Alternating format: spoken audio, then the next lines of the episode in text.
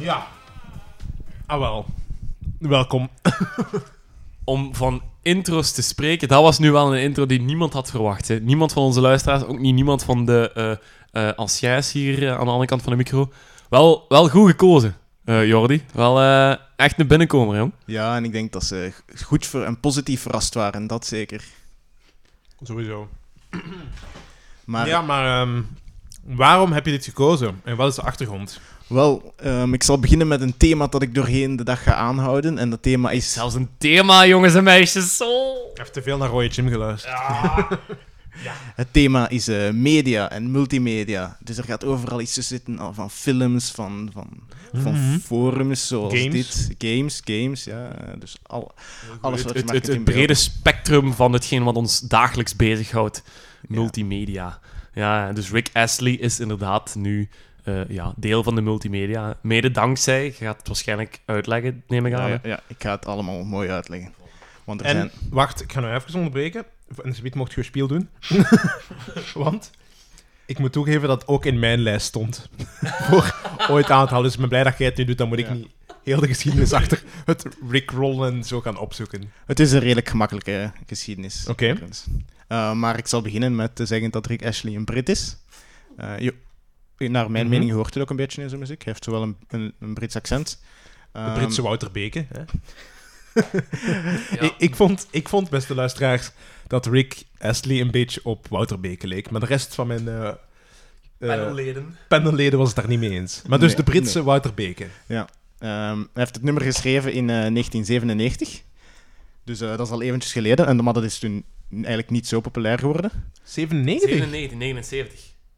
Nee, eh, 87, sorry. Ah, ja, er staat niet ik eens... dacht, ik dacht al, want oh, voor een 90s nummer heeft dat wel echt een 80s Dat is feel. een- Ja, nee, het is Hele, dat. hele echte 80s vibe van 90s. Dus, eh, ja, nee, nee, nee, jaren 80 zitten we, ja. Er stond helemaal geen 9 bij. Eh, en ja, zoals we juist ook hebben gedaan, komt het van, is het eigenlijk populair geworden door het fenomeen rickrolling. Ehm, En dat is ontstaan, beste luisteraars, omdat eh, het spel GTA eh, San Andreas, Ons alle bekend. of, ehm, nee, ik ga mij verbeteren. Het is GTA 4 geweest. Waar normaal de trailer van ehm, op eh, forums en zo gepost zou moeten worden. Onder andere YouTube en in die tijd. Eh, maar die trailer was ineens niet meer beschikbaar. En dus iemand dacht, had het goede idee op een forum om een andere link te zetten. en naar waar ging die link? Je kan het wel inbeelden. Eh, toch niet Rick Astley, zeg Ja, ja toch wel, oh, ja, oh, ja. my, netjes. Ehm, en dat is dus gebeurd eh, rond 2007. Dus het heeft heel lang geduurd voordat het effectief een beetje populair werd. En dan in 2008 ehm, kwam YouTube er nog eens bij en hadden ze al hun gefeaturede video's op 1 april waren allemaal Never Gonna Give You Up eh, van Rick Ashley. Dus toen heeft dat, is dat nog eens enorm populair geworden. Dus al die video's op de frontpage van YouTube waren plots allemaal... Allemaal Rick Ashley. Allemaal, Rick Astley's, ja. Rick Astley Fever. Ja, en het, het rickrollen zelf, de naam heeft een heel rare eh, ah, ja, oorsprong eigenlijk, omdat het kwam eigenlijk door een slecht vertaalde zin ehm, van egg rolls, dat dat dan naar duck rolls ging. En dan had die ene mens ja, niet beter het idee om daar rickrolling van te maken en dan met een... Ja, met, met heel zijn trend te starten. Het is, eh, Wat heeft dat met egg roll en duck Ja. rolls te maken? Dat is het juist. Het heeft er niet veel mee te maken. Dus ze Ehm, noemden dat in het begin egg rolling. Nee, nee, nee. Ah. nee, nee, nee. Dus eh, ik weet, een egg roll is een soort van etenswaren. Ja, ja. En dus iemand had dat ja, slecht in Google vertalen, of weet ik, je kunt dat wel zo heen en terug vertalen. En dan kwam er ineens kwam daar het duckroll uit. En dan dachten mensen, ah ja, we kunnen eigenlijk alles, rol, rol, rol.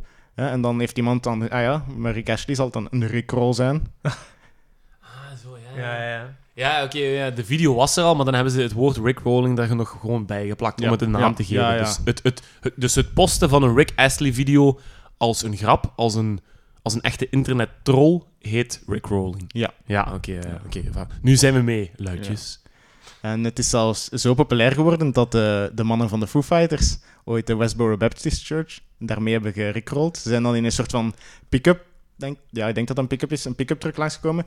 En ze waren dan op een stereo heel luid Rick Ashley aan het draaien. Ehm, en het was eigenlijk... Het was een heel gedoe. Er zat wel een, een halfnaakte, ja, nee, eigenlijk bijna volledig naakte man met een, met een speedo en zo zat erop. Het was, eh, Ze wilden dat zo homoseksueel mogelijk maken, denk ik. ja, ja, het was eh, heel mooi. Oh, dat is zalig. Ja, ja. Ehm, Wat valt er eigenlijk nog te vertellen? Ah ja, hij is eigenlijk ehm, tegelijkertijd trots en hij schaamt zich ook een beetje voor het liedje. Want Dat hebben, had- dat hebben we ook gehoord of Ja. gelezen. Hè. Ja. Nergens voor nodig, Rick. Nergens voor nodig. Dat is een fantastisch nummer. Nee, Rick. Maar eh, origineel wou hij het clipje nog niet. Maar zijn producer, ehm, of de director, heeft dat eigenlijk gezegd van... Nee, je pakt dat clipje. En het is ook een ongelooflijk mooi clipje. Je moet- Iedereen moet het maar eens gaan bekijken. Het is... eh, Zeker, zeker. De danspasjes zijn aanstekelijk. Ja. We hebben het hier eh, met ons drie gedaan en dat ging behoorlijk goed. Maar eh, niet alleen van Rick Ashley, ook de, de jonge zwarte man achter de toog kan... eh, Die plots over de toonbank springt. Ja, ja. Alsof, over de toonbank. oh nee.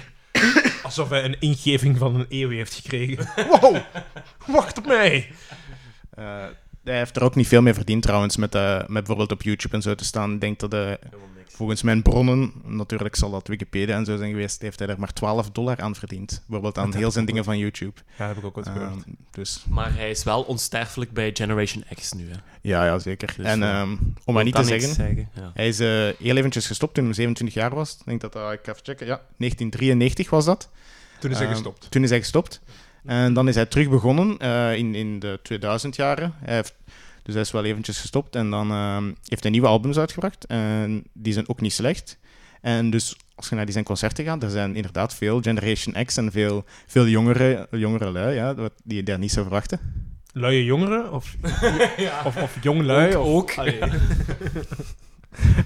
Eh, Jordi, Jordi, nu dat we toch eigenlijk eh, in ons onder hebben gedompeld in de, in de late 80s scene, heb, heb jij iets met 80s music? Of eh, is het nu gewoon een, een vreemde eend in, in jouw bijt? Eh, ik ben er eigenlijk niet veel met, met periodes en, en tijd van muziek bezig, dus ik zou eigenlijk niet kunnen zeggen. Maar ik kan me inbeelden dat er veel van de muziek waar ik naar luister, eh, zeker in de jaren 80, 90 is begonnen. Mhm. Ik denk dat Ik denk dan- 90s. Ik denk dan zeker aan, aan, de, aan, aan de metal bands of zo, zoals, zoals Iron Maiden. Eh, ik Ja, denk dat die Iron wel in... Ah, wel, ja, dat was, ik, dat, daar- dat was eigenlijk mijn volgende vraag. Maar dan waarschijnlijk een genre van metal, van heavy metal of van de beginjaren van... eh, ja, ja. Dat, is, eh, dat is new wave eh, British metal, heavy Ja. metal ehm, en speed metal, maar daar kom ik straks nog op terug. Oh, oh, oh. Oeh. Een eh, cliffhanger. Ja, ja, ja, mooi. Ja, en eh, ja, ik herinner me nog dat, ik denk, eh, Rick ach, ik wou Ricky Gervais zeggen, dat Rick Astley vorig jaar een nieuw nummer heeft uitgebracht en dat iedereen zei, oh, oh Rick Roll heeft een, allee, die gast van Rick Roll heeft een nieuw nummer uitgebracht. Of twee jaar geleden of zo. was 2016. Is dat zo lang geleden? 2016, ja, ja. Nee. Ehm, ja, maar met hem zo, waar je ziet dat hem ouder is. Ja, en zo zwart-wit, maar hij ziet er eigenlijk nog steeds goed uit voor zijn leeftijd. Hè. ja. Ehm, ja. Maar het is zo heel... Ja, het heeft, heeft zo een, een christelijke, een kerkelijke sfeer. Hè. Eigenlijk de muziek komt dan om zo over God en bezig is en zo. Ehm, dus het is niet altijd voor iedereen ook natuurlijk. Hè. Maar het is een heel goed nummer, zeker naar luisteren. Ik ben vergeten hoe dat het heet, maar als je naar zijn YouTube-kanaal gaat, gaat het zeker vinden. Ja, het is een ja. zwart-wit video. Ik moet eerlijk zeggen dat ik dat niet slecht vond toen. Nee, ik ook niet. met alle, allee, ja, zonder te zeveren. En niet gewoon voor de Mhm. meme en voor Ja. het lachen. En... Maar hij heeft, hij heeft een hele warme stem en dat is hetgeen wat er direct aan opvalt. Hij heeft hè, een heel goede een heel, een heel warme en goede stem. En op het moment van de opname was hij, was hij nog maar in zijn twintig jaar. Hij was, hij was een, een fitte twintiger, denk Ik ik. kan hè. het eventjes berekenen. Eh, in 1993 was hem 27, dus dan is hem in... eh, ja, zes jaar jonger. Dus e- 21, ja. Ah, voilà. Oeh, ja, Ja, kijk, ja. een jonge, een jonge snaak. Je hebt het over Keep Singing. Ja. En ehm, ook de ik had tweede single van het album. Ja, Ik tweede had het single over van... Try, dat is van 2018. De zomer 2018. Ah, dus dus het tweede jaar. album al, ja. Van het nieuwe album Beautiful Life. Out now. Oké, maar dezelfde reactie was er ook bij Keep Singing. Dus het geldt Was, eigenlijk maar was Keep Singing zijn, zijn comeback single dan? Ja, eigenlijk wel. Ah, oké. ja. nou, dan heb ik het misschien toch daarover. Hij heeft toen twee singles gereleased ook, maar eh, het eerste wordt altijd een beetje populairder. hè. Ja, ja ik, eh, ik kan iedereen de, de Wouter Beker van Engeland aanraden. Zonder, allee, ja. Voor de kwaliteit van de muziek. Goeie bal, Wouter. De politiek zit duidelijk eh, in de sfeer. Ja, de politiek zit duidelijk. Voilà, nu is ook de politiek in de podcast voorbij gekomen, dus we hebben dat quota weer gehaald voor vandaag. Ja, ja. Misschien kom ik er nog op terug. Alright. Dat is, eh, dat... Dat- is heel goed. Ja, dan eh, stel ik voor dat we naar het volgende liedje gaan. Oké. ehm, ja, wilt jij of eh, doe ik het? Zal ik het doen? Oké, ik, ik zal eventjes overnemen. Wacht, hè. oh, dat zit hier ongemakkelijk. Oké, dus ik heb vandaag gekozen. Ah, vandaag. Ik heb vandaag gekozen voor ehm, twee bands die er al in staan met andere nummers. Dus je kent de twee bands sowieso. Daar kan ik je van verzekeren. Het zijn twee gigantische bands. Ehm, maar ze ontbreken allebei dat ene nummertje, dat ik eigenlijk super goed vind. Het zijn niet de bekendste, van, bekendste nummers van de band. Het, is, eh, het zijn zo... Ja, ik weet niet. Ik, ik ga ook een Roy, Jim, Roy Jimmetje doen. En zo de, de alternatievere nummers van de band pakken. En ik hoop dat je, dat je me daar een beetje in kunt volgen. Oké, dus eh, deze band ken je van eh, enkele ongelooflijk bekende nummers. Uit de categorie 90s drugsproblemen en flan... Ah, ik kan het weer niet uitspreken, hè. Verdomme! Oh. Vijf dagen op liggen oefenen. Flal, Take, take 2. Take 2. ja, pff, ik laat er gewoon allemaal in, hoor. Ik ben, te lui om het te Dat was de bedoeling. Ehm, 90s drugsproblemen en flanellen hemdjes. Zie je? Oh, oh. Zie je wel, dat lukt. Ik ga toch knippen. Nu lijkt het alsof ik dat van de eerste keer... eh, oh, kijk eens goed. Anyway, ehm, en ik ga beginnen met eh, te zeggen... ehm. Ik ga zeggen met de nummers die er niet meer in staan in de tijdloos, die er ooit in hebben gestaan en je gaat ze kennen. About a Girl. All Apologies. Lithium. Oh, oh. Mm. Dat- Ja. Oké. Ja, eh, Ja. welke band denk je dat Nirvana? is? Goed, ja, voilà, inderdaad, Nirvana. En effectief in de lijst staan natuurlijk Come As You Are en Smells Like Teen Spirit. Ehm, en het nummer dat ik gekozen heb is You Know You're Right. Officieel uitgebracht in 2002. Postuum? Wel, wel. Het is het laatste nummer dat Nirvana ooit opgenomen heeft. En het staat op zo'n paar van die boxsets met rarities en, en B-sides en, en, en de verzamelaar. En daar ken ik het eigenlijk van. Icon. Dat is een best-of die ze ja, in 2002 vermoed ik dan uitgebracht hebben. En daar stond het nummer op. En dat staat helemaal achteraan op die CD, denk ik. En ik vond dat kei goed. Ehm, en ze hebben zelfs, dat was op de eindperiode van Nirvana, hebben ze drie dagen vrijgemaakt in de studio voor dat op te nemen, waarvan de eerste twee dagen Kurt Cobain eigenlijk helemaal niet... Ja, Kurt Cobain, voor de luisteraars die het niet weten, is de zanger en gitarist. Niet is komen opdraaien, eh, opdagen. Ehm, dus muzikaal was het nummer eigenlijk al bijna af. De drums en de bas. Ehm, en de gitaar en zang hebben ze dan op één dag eigenlijk gefixt. Ehm, ja, en dat, dat, dat tekent ook een beetje die, die periode van Nirvana op dat moment. Dat was eigenlijk het einde. Zoals wel bekend, de geschiedenis van Nirvana is, is op het einde. ehm, ja, hoe moet ik het zeggen? Ja, dat, dat, dat was niet kwaliteitsvol meer. Kurt Cobain eh, eh, sloeg een gat in, eh, in, in de band. Zo, ja. Schoot een gat in de band, ook wel. Eh, maar goed, ik ga eens terug naar het begin gaan. Hè. Ehm, dus Nirvana begon eigenlijk als een heel kleine band in Seattle. Hè. De, de, de stad waar alle grunge eigenlijk begon. Want Kurt Cobain en Chris Novoselic, of Novoselic, of hoe je het ook uitspreekt, dat is de bassist, die eh, ontmoeten elkaar op de middelbare school. Hè, dus jonge kindjes, jonge knapen. Maar eigenlijk wou Chris niet echt in een band zitten met Kurt. Oela, de micro deed even iets raar. Ehm, want eh, die vond Kurt een beetje raar. Ehm, en uiteindelijk geeft Kurt hem dan toch een demo aan Chris. En twee jaar later zegt hij van... "Ah, ik zal het maar eens een kans geven. Zullen we het eens proberen? En bon, die twee beginnen. En ze konden oefenen in een eh, oefenruimte van de Melvins. En de Melvins is een andere grungeband, relatief harde, rare grungeband van die tijd. Echt een van de pioniers.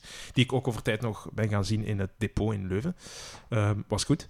Ehm, en dat zijn ook rare mannen. En ehm, die hebben dan ook een drummer erbij genomen op een gegeven moment, toen ze aan het oefenen waren. Want dat is nodig in elke deftige band. En dat die drummer heette... Dave Grohl. Nee. Ah, Goeie gok. vraag. Aaron Burkhardt. ja, Roy Jim is een beetje op zijn tenen getrapt. Ehm, maar bon, die was op een gegeven ochtend te bekaterd om te jammen. Dus eh, exit Aaron. Als je, ik heb een paar weken geleden heb ik die documentaire over Kurt Cobain van VRT Nu vermeld met Stijn van der Voorde en uw favoriete rosse eh, muzikant eh, Thibaut Christiansen. Ja, en dan eh, gaan ze terug naar de geschiedenis van Nirvana. Gaan ze naar het dorpje in West Aberdeen, ehm, waar die Aaron Burkhardt nog woont. En dan ontmoeten ze die ook. En dat is een beetje een marginaal figuur geworden. Dat is, en die heeft, dan, die heeft dan zo spontaan, had hij toevallig, toen hij die mannen ontmoette op de brug, twee stokken bij. En heeft toevallig gesigneerd en verkocht aan Stijn van de Voorde. Dus die mens deed dat gewoon eigenlijk op iedereen waar die op die brug in de buurt van zijn huis kwam. Hey, ik ben de oude drummer van Nirvana.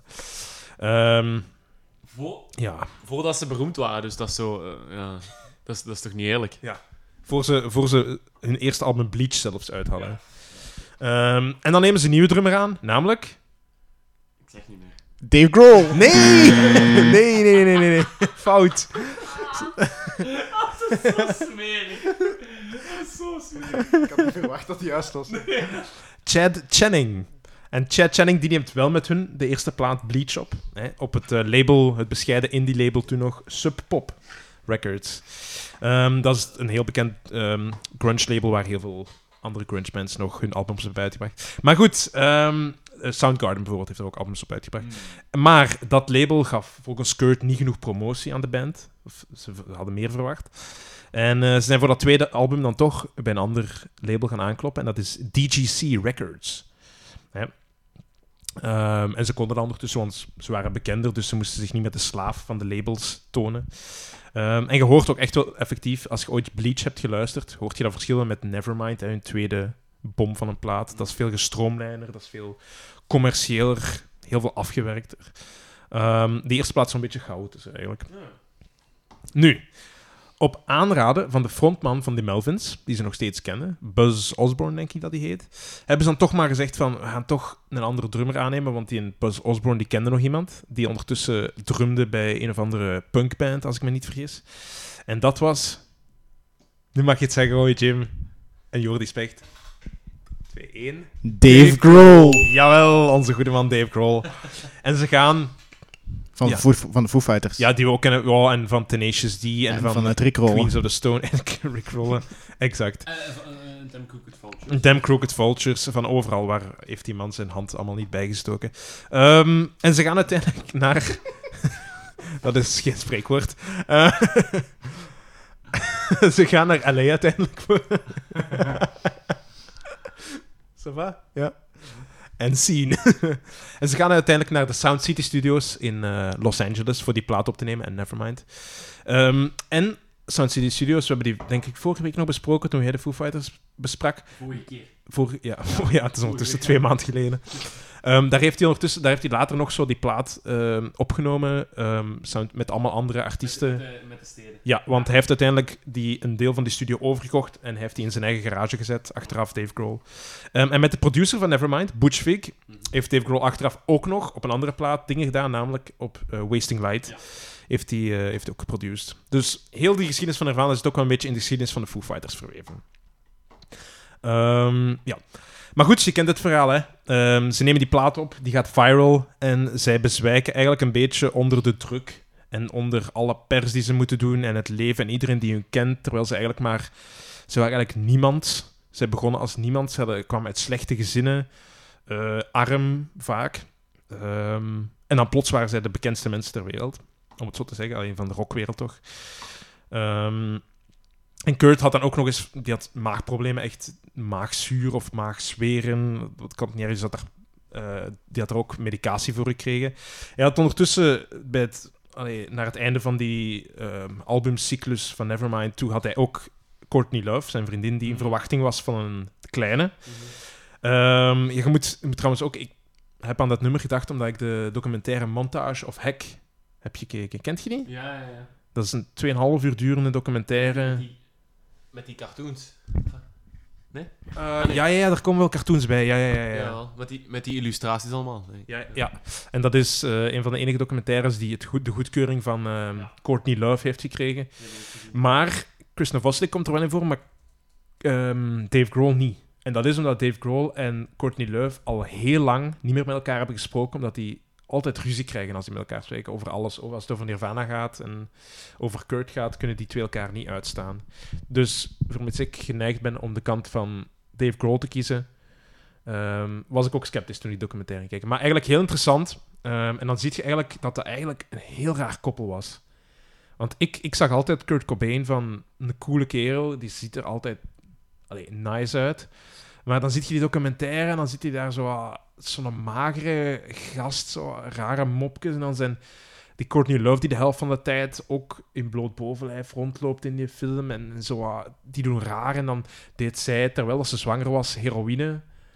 Eh, en dan deden ze dat samen. En dan denkt hij van, eigenlijk is dat toch maar dat zijn, dat zijn mensen eigenlijk gewoon in de marginaliteit terechtkomen als die niet zo bekend waren. Of misschien daardoor juist, dat die, dat die die druk niet aankonden, daardoor bepaalde mentale problemen ontwikkelden. Kan ook. In elk geval is dat allemaal gebeurd tegelijkertijd. Hij had dan die medische problemen. Ehm, en uiteindelijk komt daar dan drugs bij. Ehm, en de kleine wordt geboren. Frances Bean Cobain wordt geboren, dochter. Ehm, en dan gaan ze uiteindelijk nog door naar een derde album op te nemen, In Utero. Ah, dat is ze, Frances Bean Cobain. Ziet er een beetje uit als een eh, vampier. Zo recht uit True Blood. Ja, kom maar eens kijken. Ehm Jordi Specht. Is dat een man of een vrouw? Een vrouw toch? Dat is een vrouw, ja, ja. Ah, ja, oké. Frances. Frances met een E. Lijkt een beetje op Billie Ja. Eilish. Ja, lijkt ja, hij heeft wel iets weg van Billie Eilish. Hoe dat? Ja, inderdaad. Zo dat, dat gothic emo gedoe. Ehm, en dus ze brengen In Utero uit. Minder gepolijst weer. Ze gaan terug naar een roots. Wat, wat, wat sterker. Ehm, wat ik eigenlijk ook een heel goed album vind. Wat zijn het toen? Eh, nee, ik vind, ik vind In Utero eigenlijk bijna zeker zo goed als Nevermind. Bleach ben ik wat minder fan van. Maar In Utero vind ik heel goed. Ik weet niet of jullie ooit In Utero hebben geluisterd. Nee? Ja, Ja, maar...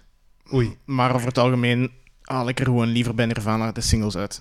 En de goede, Ja. de, de tops. Ja, ik ook. Ik heb, ik, ik heb nooit eh, volledig eh, alles geluisterd, maar wel zo de, de singles. Eh, ja, ik kan, mij, ik kan mij ook Nirvana alleen maar herinneren aan de singles. Zonde. Maar, maar kan ik... Ze hebben ook heel rare nummers. Waarvan ik denk... Hmm, moet dat echt op een cd staan? Ehm, maar, eh, ik had al gezegd, drugs, druk. En daar komt natuurlijk uiteindelijk het onvermijdbare, onvermijdelijke bij. En dat is, ze vertrekken op tour. En op een gegeven moment vindt Courtney Love... eh, 's ochtends Kurt op de grond terug. Eh, die niet bij bewustzijn is en die zou blijkbaar te veel roofies en alcohol hebben gedronken de avond ervoor. Maar het is dus rond deze periode dat het nummer dat ik nu ga laten zien opgenomen werd en afgespeeld. Dus dat moet je een beetje inbeelden als je het nummer hoort.